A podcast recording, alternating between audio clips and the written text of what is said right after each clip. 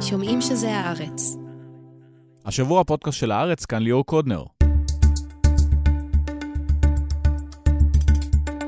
מרוב ספינים קשה מאוד להבין את המציאות. עם רבי טכט ומיכאל ארזר טוב, אנחנו ננסה להבין מה קורה בזירה הפוליטית. למה נתניהו יתמוך לבסוף בעסקה לשחרור חטופים? מדוע בן גביר מחמם מנועים אבל לא ילך לבחירות?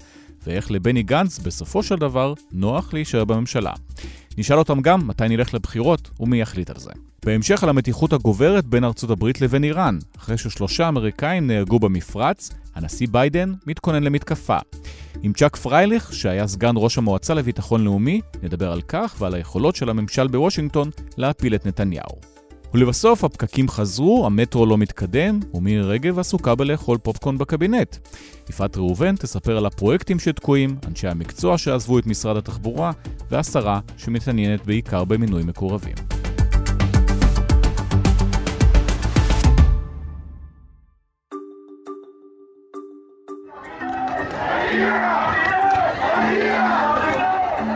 יש המון רחש בתקשורת סביב המאמצים להשיג עוד שחרור של חטופים.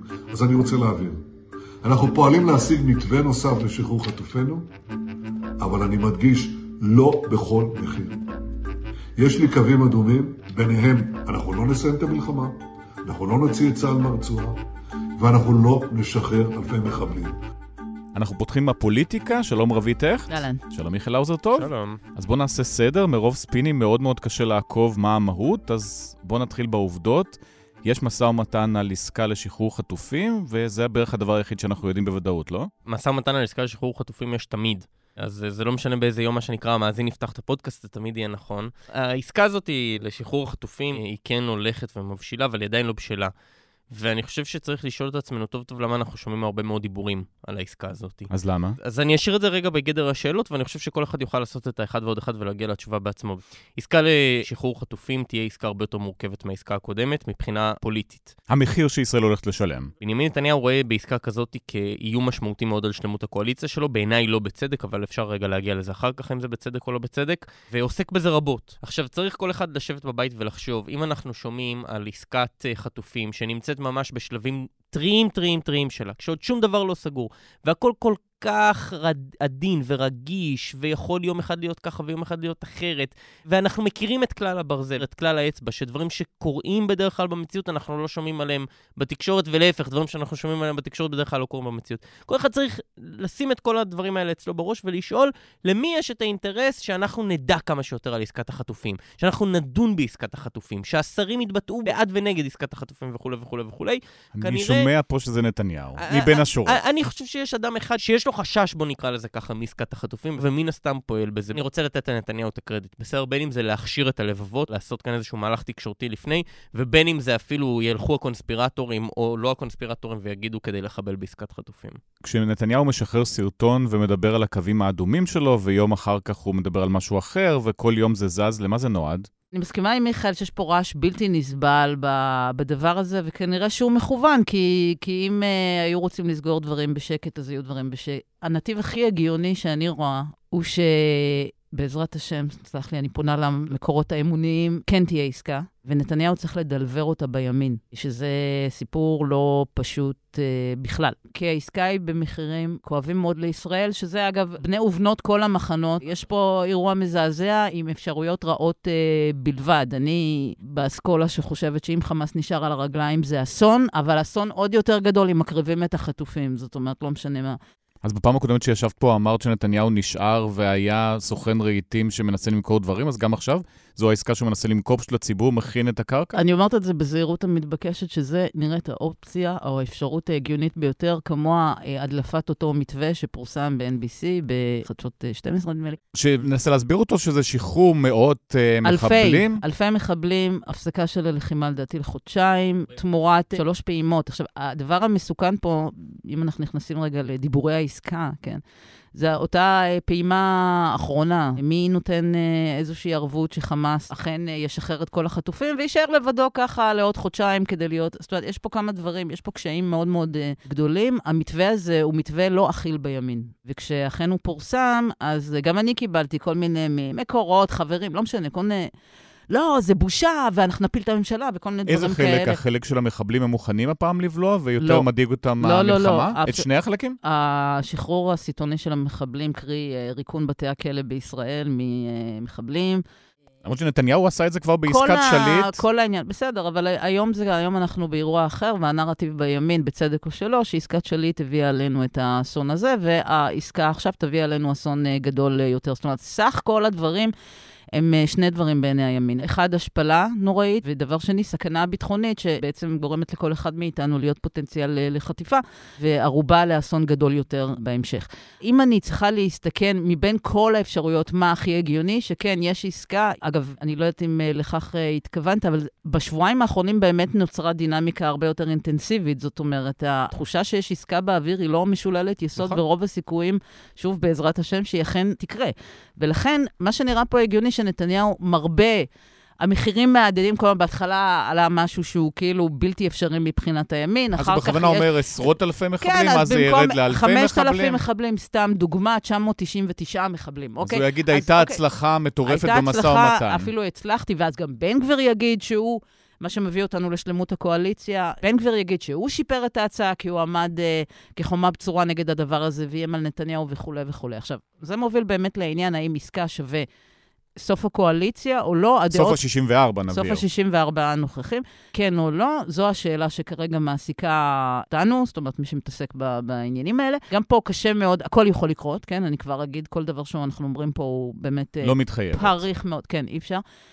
להערכתי, נכון לקולות שאני שומעת, תמונת מסך נכון לעכשיו, למרות הרעש הגדול מאוד שמגיע מכיוון בן גביר, וגם סמוטריץ' התבטא נגד, ויכול מאוד להיות שהם יצביעו נגד עסקה, לא בטוח בכלל, ואפילו כנראה שלא, אוקיי? בזהירות המתבקשת. זה לא יהיה עילה להפלת אה, הממשלה.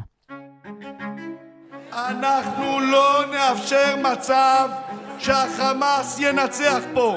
לא נאפשר לשחרר מהכלא אלפ- אלפים של אלפים של רוצחים. עוד לא סיימנו לספור את הפיגועים של משוחררי עסקת שליט. להערכתי לא תהיה עסקה, אבל אני לא רוצה סתם לזרות חול ולהשלות את המשפחות. מה שיביא, אם אה, לעסקה ולהחזרת הכי הרבה חטופים, זו כמובן מטרתנו, רק אם נשדר אחדות ולכידות ונחישות ואורך רוח, ואם הצבא ימשיך לפעול כפי שהוא פועל עכשיו, באינטנסיביות גדולה, ולהעמיק את ההישגים שלו, ולהעמיק את הלחץ על סינואר, בוא נכניס את כל הרעשים פה לתמונה. מבחינת המפה הפוליטית, אז בן גביר וסמוטריץ' מאוד ברור איפה הם עומדים, הם נגד. מצד שני, יאיר לפיד פתאום אומר שהוא מוכן להיכנס לממשלה.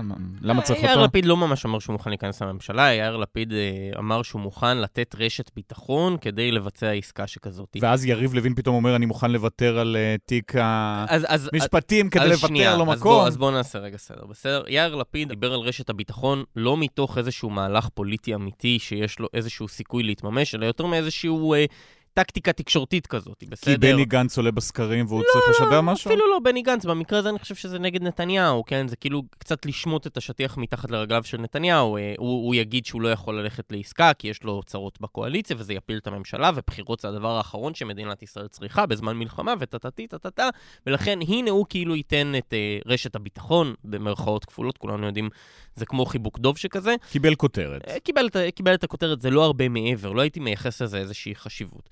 עכשיו, מה קורה בעניין כביכול איזשהו משא, משא ומתן לממשלת חירום כזה בין לפיד לבין נתניהו? במסגרתה יריב לוין פונה לגורמים בכירים ביש עתיד, במסגרתה יריב לוין מוותר על תיק המשפטים וכל מיני כאלה. ככל הידוע לי לא קורה כלום. זה סתם ספין של יריב לוין כדי להראות שהוא לא עסוק רק בהפיכה אם המשטרית? אתה שואל בכירים ביש עתיד, זה סתם ספין שנתניהו מנסה לעשות על הגב שלהם סיבוב, ופשוט לאותת לאיתמר בן גביר שיש אלטרנטיבה, ושהוא יכול אה, להמשיך להם עד מחר. ואז אה, נתניהו יכניס את לפיד לממשלה. בסדר, נראה לי שזה לא איום יותר מדי ממשי גם כן. אני אבל רגע רוצה ללכת לשכבה מעל, כי אני חושב שזה הדבר החשוב, ודיברנו כאן הרבה האם עסקת חטופים כן תוביל להפלת הקואליציה או לא תוביל להפלת הקואליציה. אני שייך לאסכולה, ומה שנקרא, תוכלו לצחוק עליי אחרי שזה יתברר כשטויות, אבל uh, אני אחזיק בעמדתי הצודקת, שאין שום סבירות להפלת הקואליציה מימין.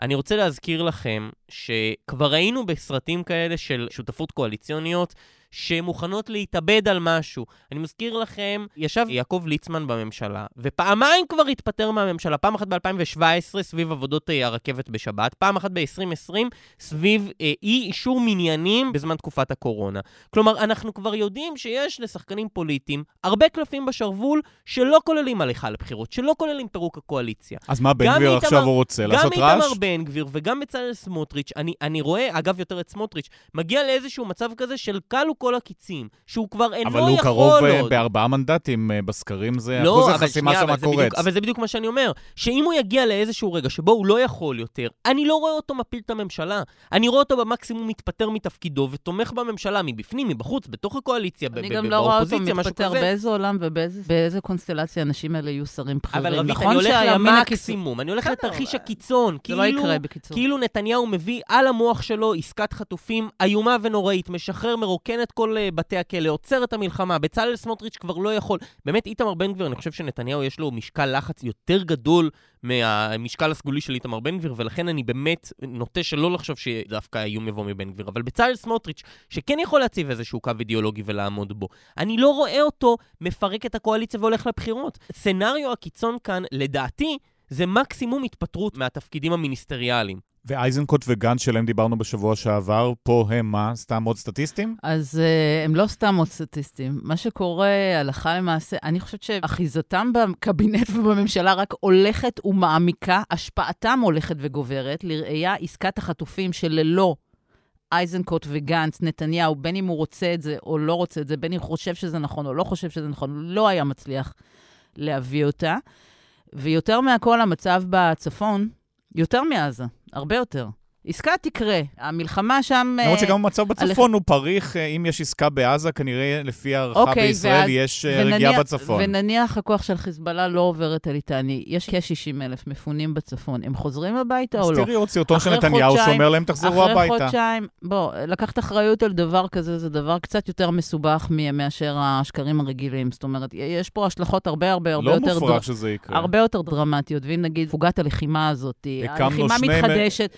שני- מחזירים שני את אה, האנשים. מוצבי נחל, הם יהיו פה, הם ישמרו עליכם, למדנו את לקחי 7 באוקטובר, תחזרו מה עם הביתה. החזרה לדרום? למה היו עשר החלטות ממשלה ו-20 הצהרות לתקשורת שתושבי עוטף עזה חוזרים לדרום ועדיין תושב אחד לא חזר? מה עם החזרה לדרום? לפני שאתם מדברים על החזרה לצפון. נכון, אפילו. אז במצב כזה, עכשיו, רוב האנשים, גם אנשים שהם הם נורא מתנגדים לנתניהו, בסתר ליבם, בין אם הם מודים בזה או לא, שמחים ורוצים שגדי איזנקוט ובני גנץ יישארו בממשלה, כי זו הנציגות הנורמלית, ואני חושבת שגם נתניהו רוצה את זה. ואני חושבת שהשותפות הזאת היא רק הולכת ומתחזקת למרות כל הבעיות והכנס והתקציב וכל הצהרות שהממשלה הזאת עושה, כך שאני לא יודעת, אני חושבת שזה גם איזשהו מלכוד ש, שגנץ נמצא בו, כי הוא לא יודע מה לעשות, זאת אומרת, לצאת או לא לצאת, רוב הציבור כן רוצה אותו בפנים, מצד שני, הוא, הוא באמת מאפשר את נתניהו ונותן לו הכשרה, אז ככה... מכל המצב הזה נוצרה לנו פה איזו ממשלת אחדות. ואגב, זו עובדה שאנחנו כן יכולים להגיד, המלחמה מתנהלת אך ורק על ידי קבינט המלחמה. בין הקוטב של גלנט מימין נגיד, ואייזנקוט נגיד משמאל, ושם קורים הדברים, אנשים כמו בצלאל סמוטריץ' ואיתמר בן גביר לא משפיעים על המלחמה ולו כזית. הם גם לא יודעים כלום. מי ש- לא מי יודעים שום שמסתכל- דבר, לא, נכון. מי שמסתכל על הטוויטר שלהם זה ממש בדיחה, אני ממש... יש שם אני- הוראות הפעלה לראש הממשלה, תעשה ככה, תעשה לא, ככה. ניחא, יש שם כל מיני ציוצים. אם הדיווח על עסקת החטופים נכון, אדוני, אתה חבר קבינט, יושב ראש מפלגה בקואליציה, אם הדיווח של אה, דפנה ליאל או ספי עובדיה, או אה, זה נכון, באמת, איזה בדיחה. אז, זה. אז זה מה שקורה, וככה קמה לנו ממשלת אחדות. אחרי 700 מערכות בחירות ואיבה נוראית ו- ו- ושסע איום ומחירים נוראיים, יש לנו בעצם ממשלת אחדות שהיא יותר חזקה ויותר יציבה מממשלות אחרות בגלל מצב החירום, שלא הולך uh, להיגמר. כשגלנט אבל מתדרך שצריך לקבוע תאריך לבחירות, למה זה נועד? לתקוע עוד משהו לנתניהו? אני לא יודע כמה גלנט אה, באמת אה, מתדרך אה, על תאריך אה, בחירות. אני חושב שבמקסימום זה גם כן איזשהו אה, ניסיון לעשות אה, סיבוב תקשורתי ופחות איזשהו מהלך אמיתי משמעותי לבחירות. שתי נקודות קצרות, אני חושב, בהיבט הזה. אחת, אני חושב שהסכנה היחידה לממשלה היא באמת מכיוון שמאל, כלומר שבאיזשהו שלב... איפה השמאל?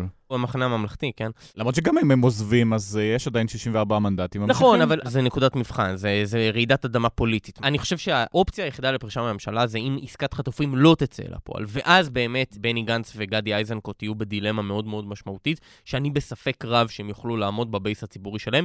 גדי איזנקוט בא מלא מלא על הקלף הזה של אני זה שיביא עסקת חטופים. אבל גם אם יש עסקת חטופים ויש עכשיו הפוגה של 60 יום, 90 יום, אה, לא יודע כמה זמן, ואחר כך, כמו שאומרים בימין, המלחמה לא חוזרת, אז גם יש להם הזדמנות אה, לפרוש נכון. ולהגיד, זה הזמן לבחירות. נכון, אבל א', אני חושב שהמלחמה כן תחזור אחרי 60, 90, 45 יום. יגידו שעברנו לשלב ה', ושלב ה' הוא אין כניסות ויציאות. אבל בני גנץ לא צריך תירוץ לצאת מהממשלה. ה time frames שהוא נתן ליציאה מהממשלה עברו. הוא אמר חודשיים עד ארבעה חודשים, הנה אנחנו בחודש פברואר עברו ארבעה חודשים. הוא אמר כשעוברים משלב ב' לשלב ג' כבר הגיע שלב ג'. טוב לו שם פוליטית. אני חושב שהוא כן חושב שהוא משפיע מאוד. הוא משפיע גם. כן, הוא לא לא משפיע, בוא נקרא לזה ככה, והוא לא רוצה לעזוב את הממשלה, הוא פשוט לא רוצה.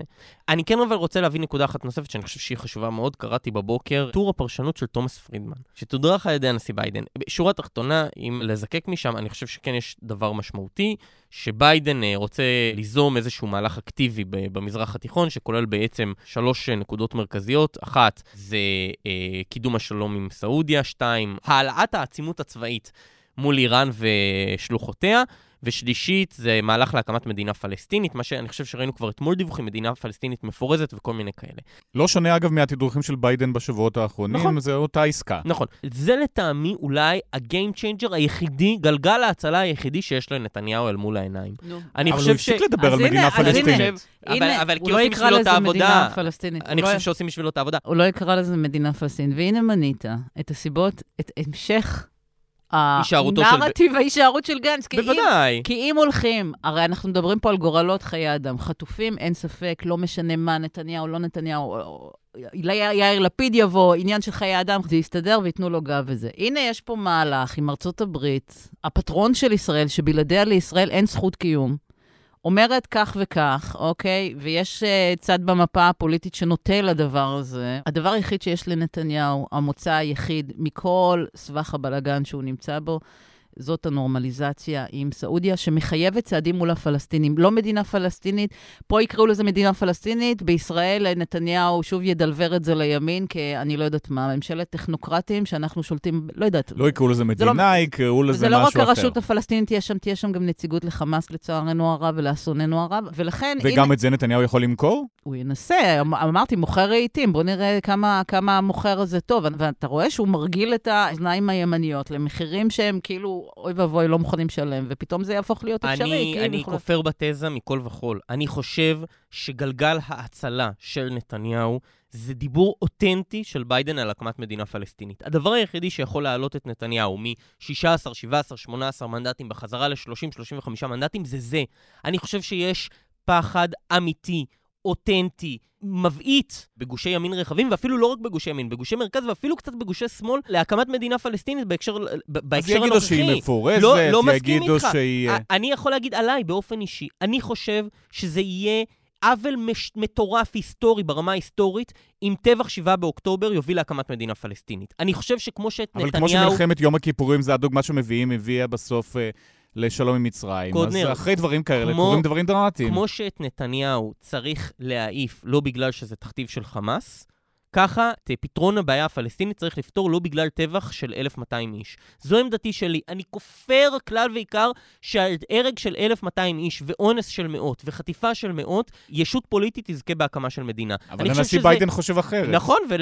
ואינני נשיא ארצות הברית, מה שנקרא, בסדר? אבל רק תדמיינו את הפוטנציאל הפוליטי של נתניהו מכזה מהלך. אני חושב באמת שאם ביידן מביא אותו לשולחן ברצינות, נתניהו יחזור לשיאו הפוליטי. הוא יגיע ליותר מנדטים ממה שהוא הגיע זה בבחירות. עדיין מעניין אנשים, הוא- נתניהו כן. דיבר על זה הרבה, כן. ואז הפסיק כן. לדבר על זה, אני מניח שהם עשו סקרים, זה... והם מצאו שזה לא מעניין. לא נכון, כי זה נתניהו קלאסי. נתניהו קלאסי זה לזרוע זרע ולתת לו לצמוח בצורה אורגנית, אמיתית. נתניהו שותל במניפולציות זרעים של כל מיני דברים ונותן לשטח לעשות את שלו. הזרע נשתל, נקלט. אם ביידן יביא לשולחן הקמה של מדינה פלסטינית, אנשים כאן יהיו על טורים. על טורים, ובצדק אגב. באמת בצדק. אני חושבת שאף אחד לא יקרא לזה מדינה פלסטינית. בכתבים שאתה מתאר, ברור שהימין וחלק גדול מהמרכז התנגדו לדבר כזה, בגלל אותה נקודת עוול שאתה מזכיר, שהיא גם נכונה. אבל אני חושבת שנורמליזציה עם סעודיה, היא מחייבת איזשהו צעד. ונתניהו כן רוצה את הנורמליזציה עם סעודיה. אוקיי, אז אתה יודע, זה מצב אה, ש- שבו אי אפשר להשיג נורמליזציה בלי לתת משהו לביידן, לא לפלסטינים, לביידן. זאת שאלה, וזה באמת אה, מצב שבו, אתה יודע, אנחנו נמצאים בסיטואציה שהכל נורא נורא קיצוני. המציאות, מה שקרה לנו, המלחמה, מה שקורה בעזה, העמדות של הממשל האמריקאי, אגב. הם הקצינו מאוד לכיוון, אתה יודע, אחרי שנים שהכילו איכשהו באיזושהי צורה את העמימות של נתניהו לגבי הדבר הזה, יש פה עמדה הרבה יותר חזקה ו- ודורשנית. זאת אומרת, הנה, גם נתנו, המקל שלהם הרבה יותר גדול לכם בזמן חימוש. מלחמה. נכון מאוד, נכון מאוד, ולכן... בתוך הסבך הדרמטי הזה, זה יהיה מעניין מאוד לראות איך נתניהו יתמרן את הדבר הזה. אני רק רוצה להזכיר שבזמנו, אני לא זוכרת בדיוק, את אחרי שטראמפ פרסם את התוכנית שלו, אז נתניהו כל הזמן דיבר על החלת ריבונות. שזה יקרה ביום ראשון שזה הקרוב. יקרה ביום ראשון הקרוב, ואז מה קרה? בסופו של דבר, כעבור כמה זמן, הסכמי אברהם, שכוללים בתוכם התייחסות לבעיה הפלסטינית. לכן אני אומרת, בוא, בתוך הרטוריקה הזאת יש uh, מרחב תמרון מאוד מאוד גדול, שאין לי ספק שנתניהו ינסה להשתמש בו או ללכת בתוכו. אני לא בטוחה שהוא יצליח. אבל יכול להיות שלישראל אין ברירה, הנשיא נמצא במערכת בחירות, ובסוף צריך לברוא, לא אגם צפרדעים. יכול להיות, אבל שוב פעם, אני פשוט חושב שזה להגיש לנתניהו מתנה על מגע של כסף באמת. הדיבור הזה זו מערכת היחסים אה, ביניהם. הרבה שנים. כן, כן, כן, כבר אה, my old friend, מה שנקרא. נכון. אז חיים לוינסון, שהיה פה לפני כמה שבועות, אמר בטוח בחירות ב-2024, אתם לא בטוחים? אי אפשר לדעת, בכנסת יש כל מיני רעיונות, עדיין יש כאלה שלא התעייפו מהאי-אמון הקונסטרוקטיבי, זאת אומרת, להדיח את נתניהו באמצעות הכנסת הקודמת, מה הסיכויים של דבר כזה, אני לא יודעת. אי אפשר לדעת, זה ממש אה, מצב כזה שבו הכל אה, יכול לקרות, אנחנו יכולים רק לקוות. אני באמת לא יודע. קשה לראות את זה בגלל כל הנעלמים שמנינו, בגלל אה, בני גנץ מתי יוצא, מתי לא יוצא, מה ביידן, אה, תוכניותיו בנוגע למזרח התיכון וכולי וכולי וכולי. אני עדיין חושב שאם אירוע force majeure לא יקרה, קרי באמת איזושהי תוכנית מדינית מאוד משמעותית של ביידן, אני קשה לי לחשוב על עוד איזשהו סצנריו פורס מז'ורי, בחירות יקרו. בטווח זמן של חודשים. אני לא חושב שהכעס הציבורי יוכל להחזיק את עצמו יותר מכמה חודשים, אחרי, בוודאי ובוודאי אחרי שרוב האנשים ישתחררו ממילואים. ומ... אז דווקא אם ביידן שומע אותנו, עדיף אה, אולי להתאפק ולתת... אה, שהוא רוצה גם להפיל את נתניהו בצורה ודאית, גם על זה הוא דיבר אז אה, הנה, עם תומאס Mister פרידמן. President, קיבלת כאן מסר מקודנר, אנא המתן. אני חושבת שהחוליה הכי משמעותית בתוך אה, כל מהלך פוליטי שיקרה היא אריה דרעי וש"ס.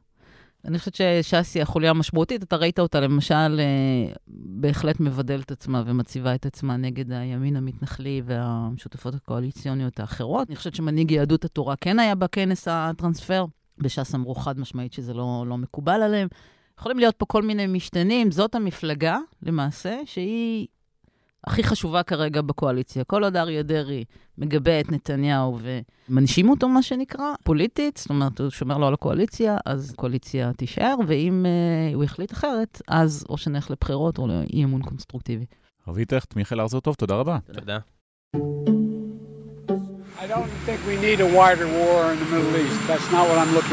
שלושה חיילים אמריקנים נהרגו היום בגבול ירדן-סוריה במהלך מתקפת כטב"מים. האצבע המאשימה מופנית לאיראן.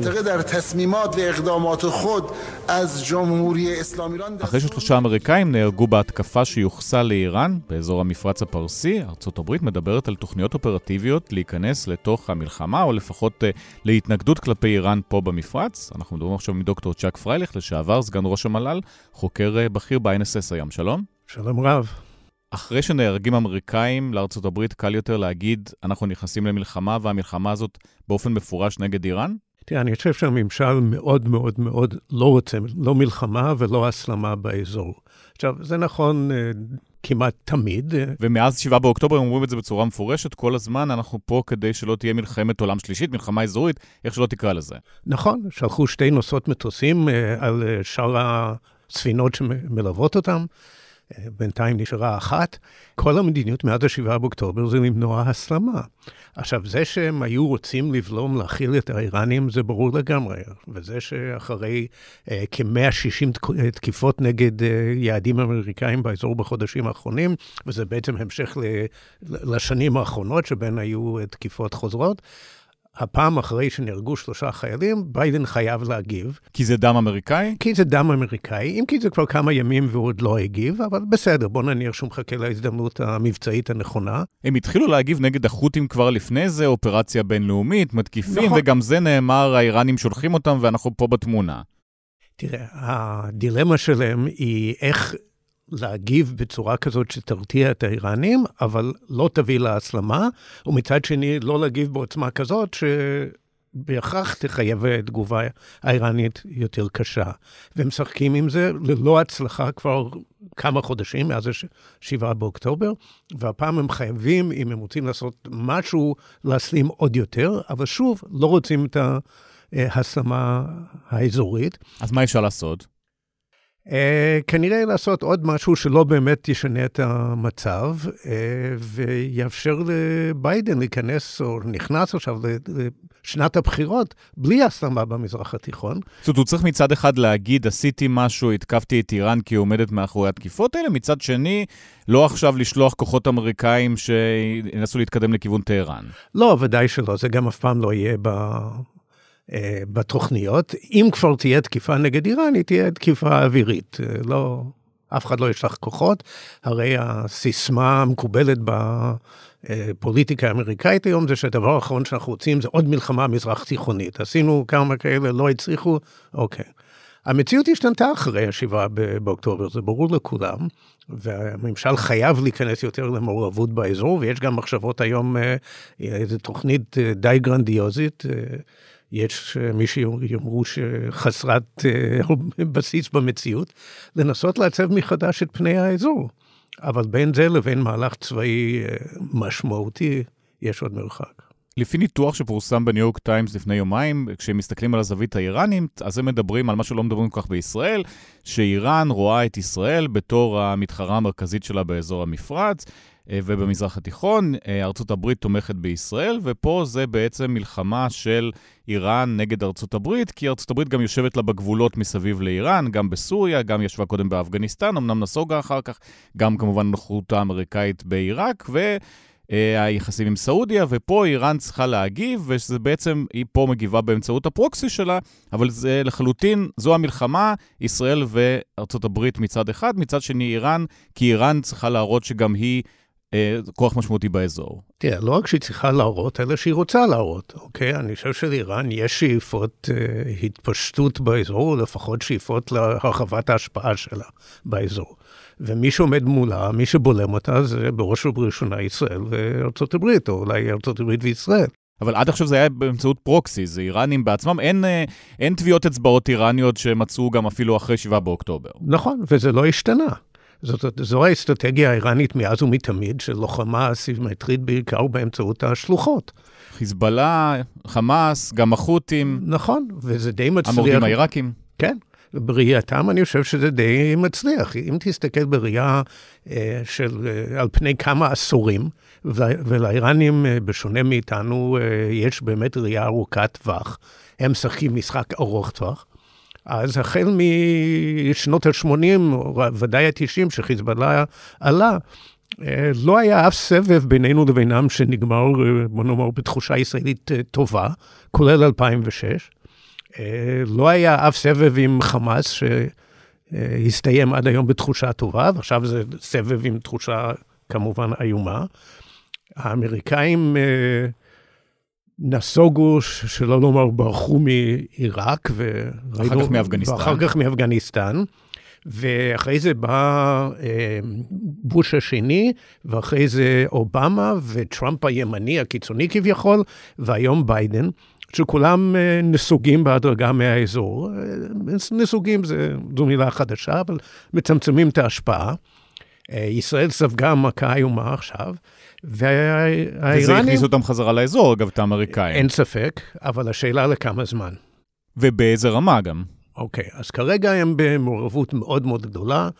שוב, שלחו שתי נוסעות מטוסים, זה דבר אדיר. גם משא ומתן מול לבנון בהקשר הזה, מול נכון, חיזבאללה. כן, ובית מועצת הביטחון, האמריקאים נכנסו חזק מאוד לסיפור הזה. השאלה, שוב, כמה זמן הם באמת מתכוונים? מבחינתם היעדים העיקריים זה קודם כל סין. ואחרי זה המלחמה באוקראינה, והמלחמה פה הסיטה את תשומת הלב משני הדברים האלה, והממשל מחויב היום לעסוק באזור שהוא ממש לא רצה, והציבור עוד יותר לא רוצים לעסוק בו. שוב, לקראת שנת בחירות, כשהשמאל האמריקאי הפרוגרסיבי אה, בא לידי ביטוי בצורה חסרת תקדים, ואנחנו, אגב, הסקרים הם פחות גרועים מבחינתה של ישראל ממה שאנחנו חושבים, אבל השמאל הפרוגרסיבי עושה רעש אה, רב. סביב התקיפות של ישראל בעזה. סביב ישראל, ו- ורואים את זה ברחובות בכלל, ובוודאי בקמפוסים, ואצל הצעירים יש קריסה איומה בתמיכה בישראל, אצל הדמוקרטים בכלל.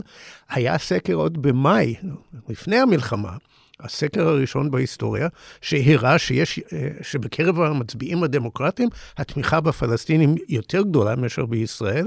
זה דבר שהיה צריך לזעזע את אמות הסיפין בארץ, אם הייתה פה ממשלה אחראית.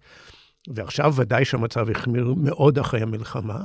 אני חושב שמה שקרה עכשיו זה דבר כפול. מצד אחד באמת הייתה הפגנה, המחשה חסרת התקדים לעומק המחויבות האמריקאית הבסיסית לביטחונה של ישראל, והיא קיימת והיא תמשיך להתקיים. כי ביידן אבל התייצב בצורה פומבית. אם טראמפ היה בבית הלבן, אנחנו לא יכולים להגיד שזה היה קורה, או נשיא אחר, אפילו יותר צעיר.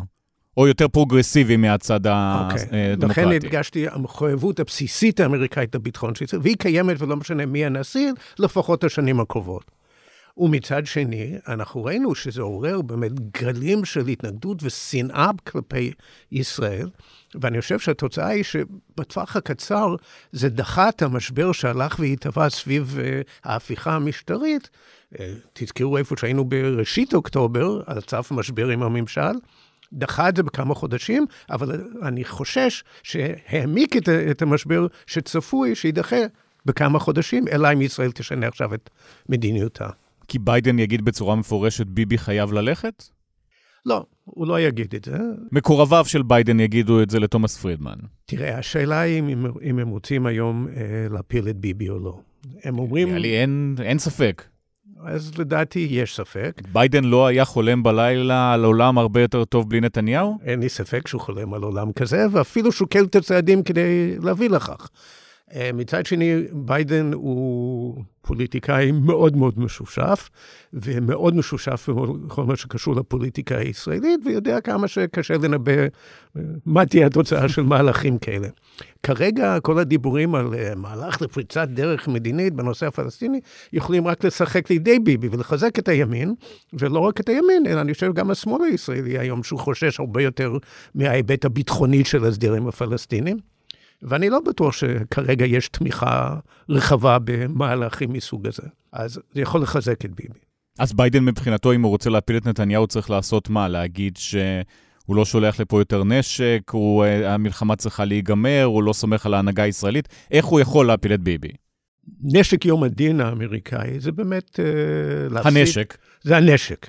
וזה לא יהיה, גם כי הם מבינים שאנחנו באמצע, באמצע מלחמה, מת, מטעמים צבאיים אה, אסטרטגיים לא, אי אפשר לעשות את זה, וגם בגלל שזה באמת אה, מהלך קיצוני שאני חושב, חושב שביידן לא יעשה. הם הבטיחו אבל פה גם הרבה כסף, 14 מיליארד דולר נכון. שלא מגיעים, הם מנסים לקשור את זה ביחד עם אוקראינה, לא והציבור הממשל, האמריקאי, נכון. לא הממשל, אה, להפך, הממשל נכון, מנסה נכון, נכון, נכון, הרפובליקאים מנסים כן. לקשור את זה. וה... בסוף זה יגיע כנראה, אבל זה לא יהיה פשוט כמו בעבר.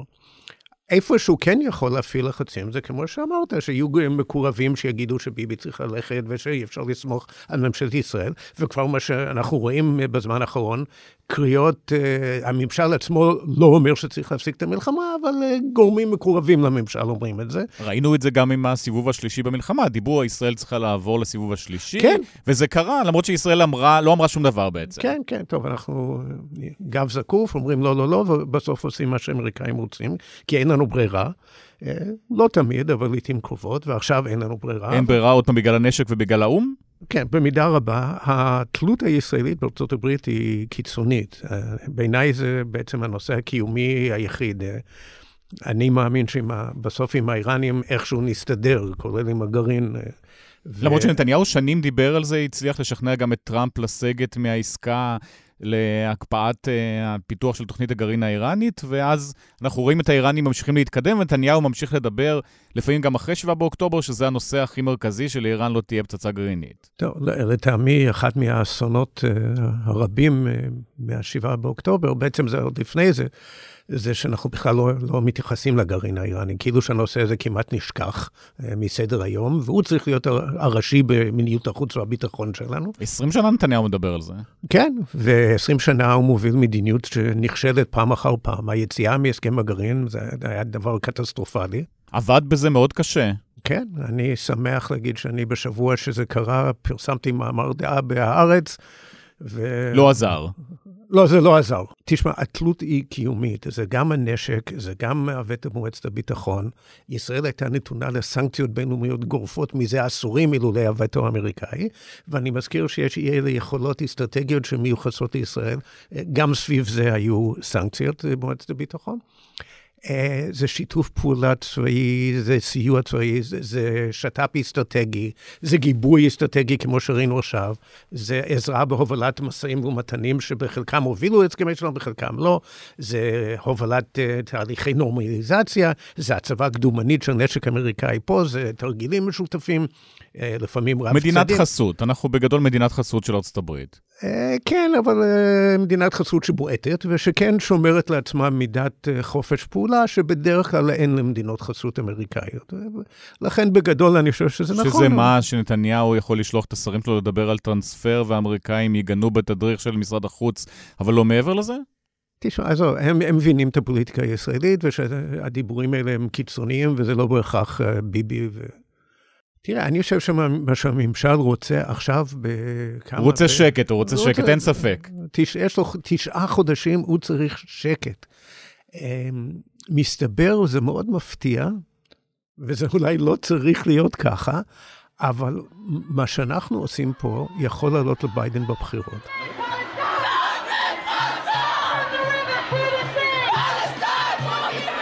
למרות שעוד פעם, אני פה אה, לוקח את התזה שלך, אותם צעירים אמריקאים בקמפוסים שצועקים נגד ביידן, ואומרים כמעט שהוא רוצח, בסוף כשהם צריכים לבחור בקלפי בינו לבין טראמפ, אין ספק שהם יבחרו ביידן, אולי הם לא יבואו לקלפי. אז זאת הסכנה שהם לא יבואו לקלפי, והם לא יהיו פעילים לקראת הבחירות. זה לא ו... שהם יגיעו לתמוך בטראמפ, לא, שאיתו לא, ברור אין... שלהם יהיה יותר גרוע. לא, זה ברור שלא.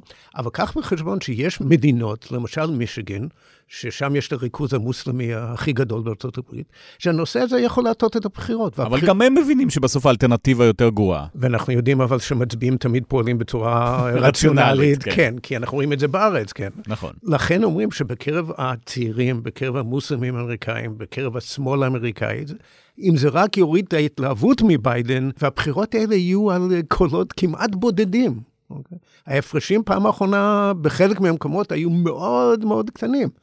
זה יכול לעלות לו בבחירות. A turn now to new polling of a hypothetical 2024 election matchup that shows Donald Trump beating President Joe Biden in seven swing states, including... ואם אנחנו מסתכלים על התסריט הריאלי שטראמפ חוזר לבית הלבן, מה קורה פה באזור? זאת נתניהו כבר אה, דיבר עליו, לכלך עליו אחרי הבחירות שהוא לא תמך בו. כנראה גם הוא לא כך אוהב אותו כבר, למרות שזה יכול להתהפך אצל טראמפ כמו כל דבר. כוחות אמריקאים לפה הוא לא רוצה לשלוח, באיראן הוא לא רוצה להילחם, וזה עוד uh, pain in the ass. אני אפילו לא רוצה לחשוב על התרחיש הזה שטראמפ נבחר. אני חושב שזה אסון לארה"ב, זה אסון לעולם, וזה עלול להיות אסון עבורנו. עכשיו, לזכותו צריך להגיד שהוא עשה כמה דברים נכונים, טובים מבחינתה של ישראל, כולל כאלה שאני חושב שבזמנו חלק מאיתנו, אה, ואני בתוכם, ראינו בשלילה. אני חשבתי שהוא נתן לנו את ההכרה בירושלים ובגולן אה, בחינם. זה היה צריך להיות תמורה, נניח, בנסיבות של התקדמות מדינית. לא שאני מתנגד לדברים, להפך, אבל אוקיי. ואחר כך הסכמי אברהם. הסכמי אברהם, ודאי. אז הוא עשה דברים טובים.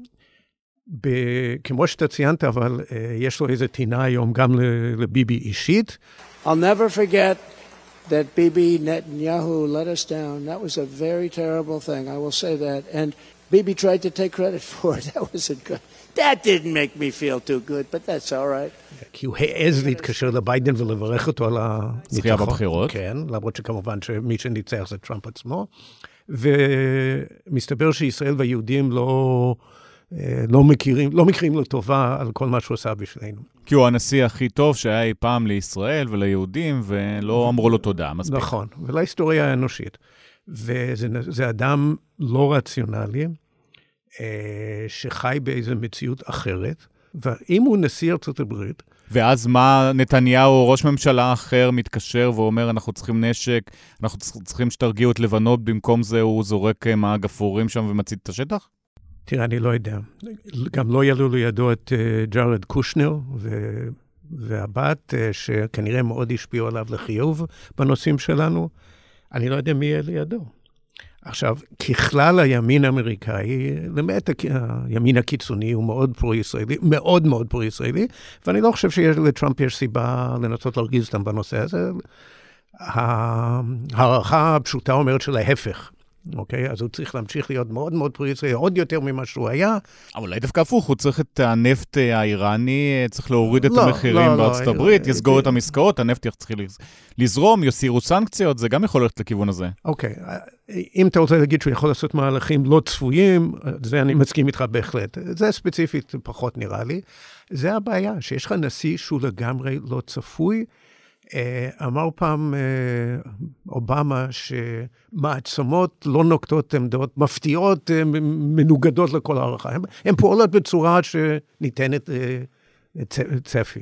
ופה עלול להיות שוב נשיא שהוא לא כזה, וזה מעורר גלים. אני חושב שארצות הברית מתעטשת, העולם כולו חולה, כן?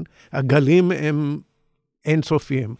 תזכור, אנחנו יושבים פה ואנחנו עוקבים אחרי כל מילה שאומרים בבית הלבן, מחוץ לבית הלבן וזה, אבל זה לא רק אנחנו. כל המדינות שסובבות אותנו, כל העולם, כולם מסתכלים על זה. אז אם אנחנו מסתכלים על האינטרס הישראלי, צריך לגמור את המלחמה הזאת, להגיע להסכמים כמה שיותר מוקדם ובטוח עד נובמבר, עד הבחירות? תראה, א', צריך להגיע להסכמים כי זה אינטרס ישראל, ישראלי עליון. אם אפשר לעשות את זה עד הבחירות, יופי, אני מטיל ספק. אני חושב שזה מחייב שינוי פוליטי בארץ, אני חושב שזה מחייב שינוי פוליטי אצל הפלסטינים. אה, עם כל הטעויות הקשות שאנחנו עשינו אה, מזה שנים רבות, הפלסטינים אה, עשו טעויות עוד יותר קשות ודחו כל ההצעה, באמת כל ההצעה האפשרית. האם הם מסוגלים היום לקבל את ההחלטות? אני חושב שהתשובה היא חד משמעית לא. אני חושב שחלק גדול מהציבור בארץ, כולל השמאלי, אחרי ה-7 באוקטובר, לא יאמין יותר בסידורי ביטחון. ועדיין בטראומה. ועדיין בטראומה. האם הסעודים באמת יעמדו בלכאורה בהבטחות? אה, יש לנו ניסיון עם הסעודים, עם העולם הערבי, לא תמיד. אם אפשר להתקדם לקראת זה, ואני חושב שעדיף שזה יהיה עם ממשלה חדשה, מרכזית, שמייצגת אה, חלקים יותר רחבים של העם, אני כולי בעד. אני, לצערי, הגעתי למסקנה עוד הרבה לפני ה-7 באוקטובר, שהפתרון של שתי מדיניות, שאני תומך בה כל חיי ותומך בעיקרון גם היום, שהעניין הזה כנראה מת, ושה-7 באוקטובר היה כנראה המסמר האחרון. מה האלטרנטיבה? אני לא רואה אפשרות אחרת מאשר להפריד בין שני העמים. המצב הנוכחי הוא אסון. בשנים הקרובות, אני חושב שהמירב שהפוליטיקה הישראלית אה, מסוגלת לעמוד בו, זה אה, הרעיון של הפרדה, היפרדות אזרחית מהגדה. דהיינו, אנחנו מכריזים על אותו חלק שאנחנו מתכוונים להחזיק בו לא, דרך קבע. או תוכנית התנתקות. אה, התנתקות אזרחית, כי באותו חלק שאנחנו לא מתכוונים, שזה תלוי מי אתה שואל, אבל זה יותר מ-90 אחוז, אה, שם אנחנו מתחילים אה, להחזיר את המתנחלים, אבל צה"ל נשאר, נשאר פרוס לצרכים ביטחוניים כל עוד שרק צריך, וזה יכול להיות עוד 20 שנה ויותר. טוב, גם פוליטית אני לא רואה את זה עובר. גם את זה לא. אז, אז אם כך, אז ודאי שפתרון של שתי מדינות הוא לא ישים. לא, שתי מדינות אתה אומר בצורה דקלרטיבית, מתישהו יהיו פה שתי מדינות, ולא אומר מתי. זה גם מה שביידן אגב אומר, לא מחר. כן, לא מחר, אבל לכאורה הוא מתכוון לפעול לקראת העניין הזה עכשיו. אז אולי זה ייקח עוד שלוש, ארבע שנים ליישם את זה. אבל, אבל כן הוא מדבר על מדינה מפורזת, בלי כן. צבא, בלי חמאס, בסדר. כן חלק מהדברים שהוא יודע שמלחיצים ישראלים. כן, מי, מי באמת יכפה את הפירוז הזה? אנחנו שולטים בגדה, הגדה המפורזת. אה, אנחנו הטלנו מצור צבאי על עזה, ראינו כמה שזה עזר לנו, אני לא רואה את זה. איראן בהקשר הזה, ברגע שרואה שזו התוכנית של האמריקאים, תעשה כל מאמץ כדי לפגוע בזה, או כרגע היא עסוקה מדי ויש יותר מדי זירות והיא תשב על הספסל ותחכה? לא, אני חושב שהיא תפעל כדי לסכל את העניין, אבל מה זה נקרא לפעול? האם היא תצא למלחמה, היא תהיה מעורבת ישירות? התשובה להערכתי היא לא. אבל היא יכולה ללחוץ על חיזבאללה, לחמם בצפון, עוד פעם החות'ים, העיראקים. היא יכולה. קח בחשבון שמבחינתם חיזבאללה...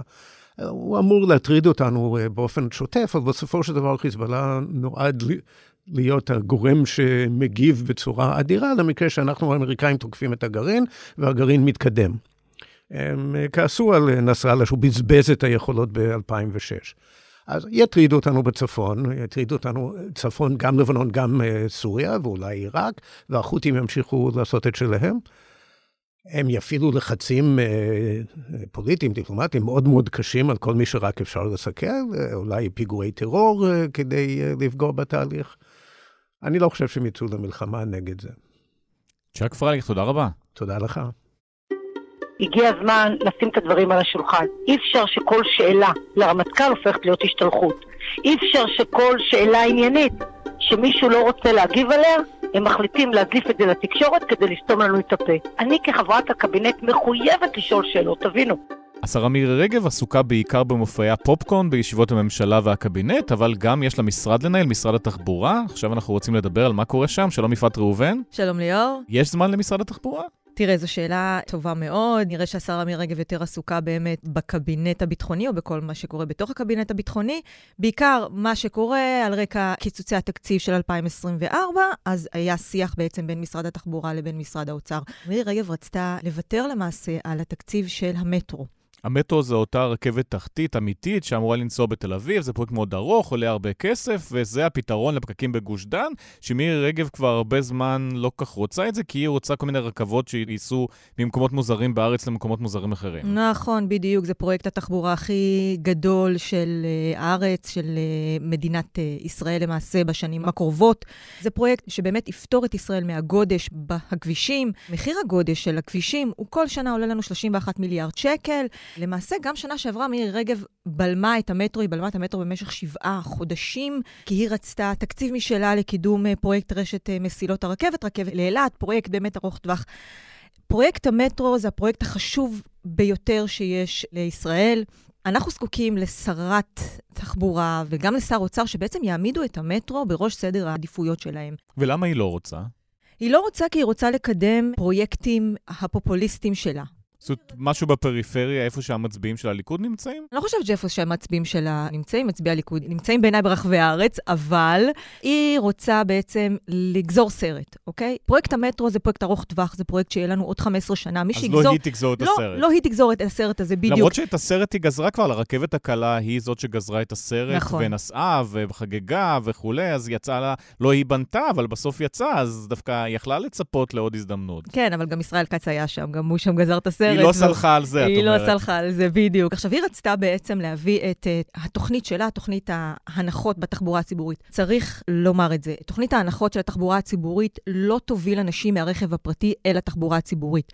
מה שיוביל אנשים לתחבורה הציבורית זה בעצם שיפור התחבורה הציבורית, וכמובן הקמה של רשת הסעות המוניות, כמו המטרו. המטרו, שוב, זה הפרויקט הכי חשוב שיש לישראל, הפרויקט הכי... יקר של ישראל, מוערך היום ב-150 מיליארד שקל, כן? זה כמובן יהיה הרבה יותר, אבל זה כרגע התקציב שלו. היא לא עפה על הפרויקט, וזה לא טוב. אנחנו צריכים שרה שתעוף על הפרויקט, שתלך עליו בכל הכוח, וככה גם שרי uh, התחבורה הבאים שיהיו, או שרות התחבורה הבאות של ישראל. מבחינת הרכבת הקלה בתל אביב, אז יש קו אחד שנפתח, שאולי נדבר עליו גם, עם לא מעט חריקות. עוד שני קווים בדרך, זה כן uh, מתקדם? פרויקט, uh, באמת הקו האדום נפתח באוגוסט האחרון. אין מספיק רכבות, יש בעיות, יש תקלות, זה לא מאחורינו. יש תקלות ולא מאחורינו, זה היה צפוי כמובן שהתקלות יהיו בקו האדום, כמו שהיה בקו האדום הירושלמי. אנחנו חצי שנה, אז ייקח עוד חצי שנה עד שבעצם תהיה התייצבות של המערכת, של האינטגרציה של כל המערכות של הרכבת הקלה. אבל עדיין הבטיחו כל שלוש דקות רכבת, עכשיו זה פעם ב-12 אפילו אמרו לי. יש כל ארבע וחצי דקות, יש כל שש דקות. טוב. אבל, אבל זה לא יציב בדיוק, כן, זה לא יציב. הבעיה העיקרית של הקו האדום זה הקו העלי שלו. אוקיי? הוא איטי מאוד, המהירות הממוצעת... מה שנוסע ביפו אנחנו רואים, וזה שנוס... נוסע מאוד לאט, ובפתח תקווה. בת ים ויפו, בת ים ויפו, כי בעיקר הבעיה שבעצם אין שם העדפה לרכבת הקלה בכל צומת. זה עיקר הבעיה, המהירות הממוצעת בקו העלי הוא 15 קמ"ש.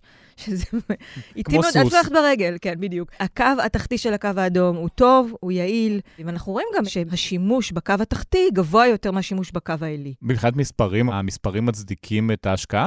כרגע לא. המספרים רחוקים מאוד מלהצדיק את ההשקעה כרגע. אפשר להסביר את זה, אתה יודע, בגלל שיש חבלי לידה כמובן. גם מלחמה. והמלחמה שפרצה עדיין לא ממש איזנה את, את המשק, למרות שצריך להגיד, אנחנו כולנו רואים, הפקקים קיימים. למרות המלחמה הפקקים חזרו. כן, אז אפשר להביא לזה עוד קצת זמן כדי לראות באמת איך הקו האדום יעבוד כמו שצריך, אבל אני חושבת שרק שיהיה לנו את הקו הירוק והסגול לקראת 2027-2028, אני מקווה, כן, כן, אני לא מבטיחה. כן, נו, זה לא נשמע ריאלי, לא? אני לא מבטיחה, אבל לקראת סוף העשור, אם יעבדו פה עוד שני קווים, אפשר יהיה לקרוא לזה רשת של רכבת קלה, שתעבוד פה בגוש דן, ושתוכל באמת לענות על הצרכים של uh, התושבים בגוש דן. והמטרו מתי? המדינה בעצם העמידה לוח זמנים ל-2034-35 לקו הראשון. חיים גליק, מנכ"ל נתיבי תחבורה עירוניים, אמר שהוא צופה שהמטרו יהיה לקראת 2040. עכשיו, זה לא משהו חדש. בישראל, כמו בישראל, תמיד יש עיכובים. רק הוא לא אמר 2040 או 2140. אני מקווה, אני ממש מקווה שניסע פה במטרו ב-2040, כי אחרת יהיה פה מאוד צפוף בלשון המעט. אבל הכסף מתחיל לזרום, זאת אומרת, גם משרד האוצר רצה לקצץ שם כדי להפנות uh, כספים למלחמה, לא לפגוע בכספים הקואליציוניים. זה נוח אולי לכולם בינתיים לא להשקיע את הכסף הזה ולשים אותו על מה שדחוף. אבל זה לא חכם, כי בעצם הכי חכם זה להשקיע בפרויקט לטווח ארוך, פרויקט שכן יפתור את הגודש, פרויקט שכן uh, יוביל לצמיחה הכלכלית שישראל צריכה אותו. אנחנו משקיעים הרבה מאוד תקציבים ביהודה ושומרון, כולל בעוקף. אני מקווה שבחודשים הקרובים מאוד כבר יהיו לנו בשורות גם לגבי עוקף חווארה, כבר רואים שם את הטרקטורים עובדים כדי לזרז את העבודות לא רק בחווארה, אלא בכלל בכל העוקפים ביהודה ושומרון, כדי לאפשר גם את מרקם החיים וגם לאפשר את הבטיחות לתושבי יהודה ושומרון. שרת הפופקורן כן רוצה להשקיע בכבישים, בעיקר בשטחים עדיין, נכון? היא רוצה להשקיע בכבישים בעיקר בשטחים, למרות שצריך לומר שבמסגרת הקיצוצים של 24, נדחו כמה פרויקטים של סלילת כבישים באזור אה, השטחים, באזור הגדה. זאת אומרת, משרד האוצר פה מצא איפה לקצץ בדברים שהם רצו לקצץ. כן, אבל היא לא ויתרה, שוב, על התוכנית שלה, תוכנית ההנחות של התחבורה הציבורית, שעלותה 360 מיליון שקל. וזה שוב תוכנית שלא תביא לשיפור התחבורה הציבורית. גם שנה שעברה וגם השנה, המשרד התחבורה לא העביר את התקציב לשיפור התחבורה הציבורית. זאת אומרת, עוד קווי אוטובוסים, לשיפור התדירות של האוטובוסים. גם פה גם... האוטובוסים שלא באים מספיק. לא או באים אמורים מספיק. לבוא כל 10 דקות, 20 דקות, ובאים פעם בשעה. נכון, בדיוק. יש הרבה קווי אוטובוסים שצריכים שיפור מיידי. ודווקא בזה היא יכולה לגזור את הסרט מהר, אז למה לא? כי היא רוצה את הכסף הזה בשביל תוכנית ההנחות של התחבורה הציבורית, שוב, שלא תוביל לצמיחה הכלכלית. אנשים לא יעברו מהרכב אל האוטובוס כי זה עולה זול יותר. אנשים יעברו מהרכב הפרטי אל התחבורה הציבורית, רק אם התחבורה הציבורית תהיה יעילה, טובה, איכותית, ושתביא אותם אה, הכי מהר שאפשר. תוכנית ההנחות הזו זה בעיקר להכניס אה, מרב אה, מיכאלי, קודמתה בתפקיד, עדיין יש שם את המשקעים האלה? אני חושבת שזו תוכנית שנועדה למעשה לשרת את הבייס הפוליטי שלה. גם בהקשר הזה נטען שהמקומות שיקבלו העדפה זה כל מיני יישובים חרדים ויישובים בפריפריה הליכודית. התוכנית המקורית בעצם הייתה שבאמת יותר חרדים וערבים יקבלו הנחות בתחבורה הציבורית. בעקבות הביקורת וככה בעקבות חידוד שנעשה לתוכנית, אז ההנחות יינתנו למעשה לשכונות לפי מה שנקרא מפתח פריפריאלי, זאת אומרת, מפתח של שכונות. זאת אומרת, גם בתל אביב, תושבי שכונת התקווה יוכלו לקבל הנחות. אם אתה גר בשכונה לא משהו, מעמד סוציו-אקונומי יחסית נמוך, יש הנחה, אם אתה גר בצהלה, לא. נכון. ולמה זה לא מתקדם? זו שאלה שצריך אה, לשאול באמת את שרת התחבורה, כי שנה שעברה, התוכנית הזו כן הייתה אמורה לצאת אל הפועל עם כל הביקורת הציבורית. התוכנית הייתה צריכה להיות. היא לא יצאה אל הדרך, ולמעשה נושאי התחבורה הציבורית הפסידו פעמיים. הפסידו גם את ההנחות בתחבורה הציבורית, והפסידו גם את התקצוב לשיפור התחבורה הציבורית, כי התקציב של התוכנית להנחות בתחבורה הציבורית הגיע על חשבון אה, שיפור אה, קווי האוטובוסים והגברת התדירות.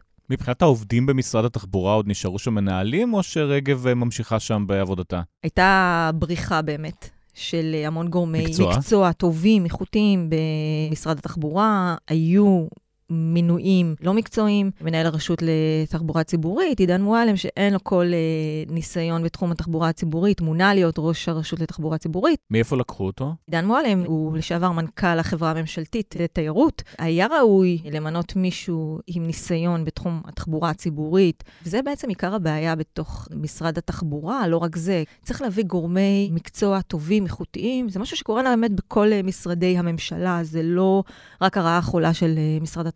אבל שם פשוט יש מלא מלא כסף, הם באמת קיבלו מלא כסף כדי לבנות פרויקטים. אמרנו, הרכבת התחתית זה 150 מיליארד שקל, באמת סכומים שלא נראו בישראל, וכל מיני אנשים שמבינים בתיירות ולא בתחבורה אמורים לנהל את הכסף הזה. הם עדיין לא קיבלו את הכסף הזה, זה כסף לטווח הארוך, זאת אומרת, הבטחה ל...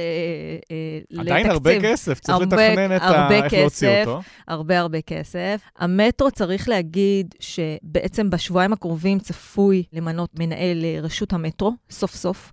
גם זה, אגב, אחרי שהם רבו והיה אפשר אה, לשים שם פשוט רשות אחת שמנהלת את כל התחבורה, גם את הרכבת הקלה וגם את המטרו, ורגב רצתה עוד מינוי. סאגה שלמה. בעצם המודעת הדרושים, אני קוראת לזה, שפורסמה באוגוסט 2022, ואנחנו היום בינואר 24, ו...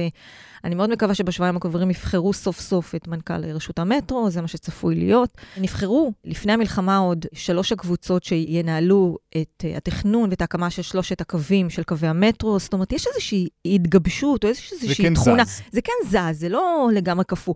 שוב, שנה שעברה היא הקפיאה את המטרו, הקפיאה כל דבר שבעצם קשור למטרו שבעה חודשים, וזה, וזה לא עיכוב רק של שבעה חודשים, זה עיכוב של הרבה יותר משבעה חודשים, עד שדברים זזו. צריך להתניע מחדש. צריך להתניע מחדש, בדיוק.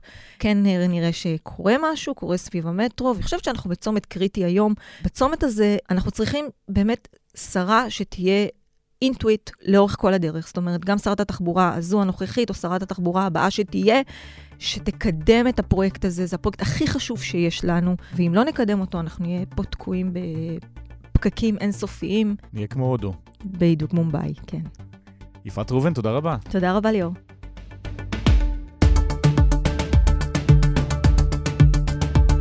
השבוע הפודקאסט של הארץ, פרק שלישי לשבוע הזה, סיימנו. בצוות, ניצה ברגמן, אמיר פקטור, אסף פרידמן, מאיה בן ניסן, דן ברומר ונערה מלקין.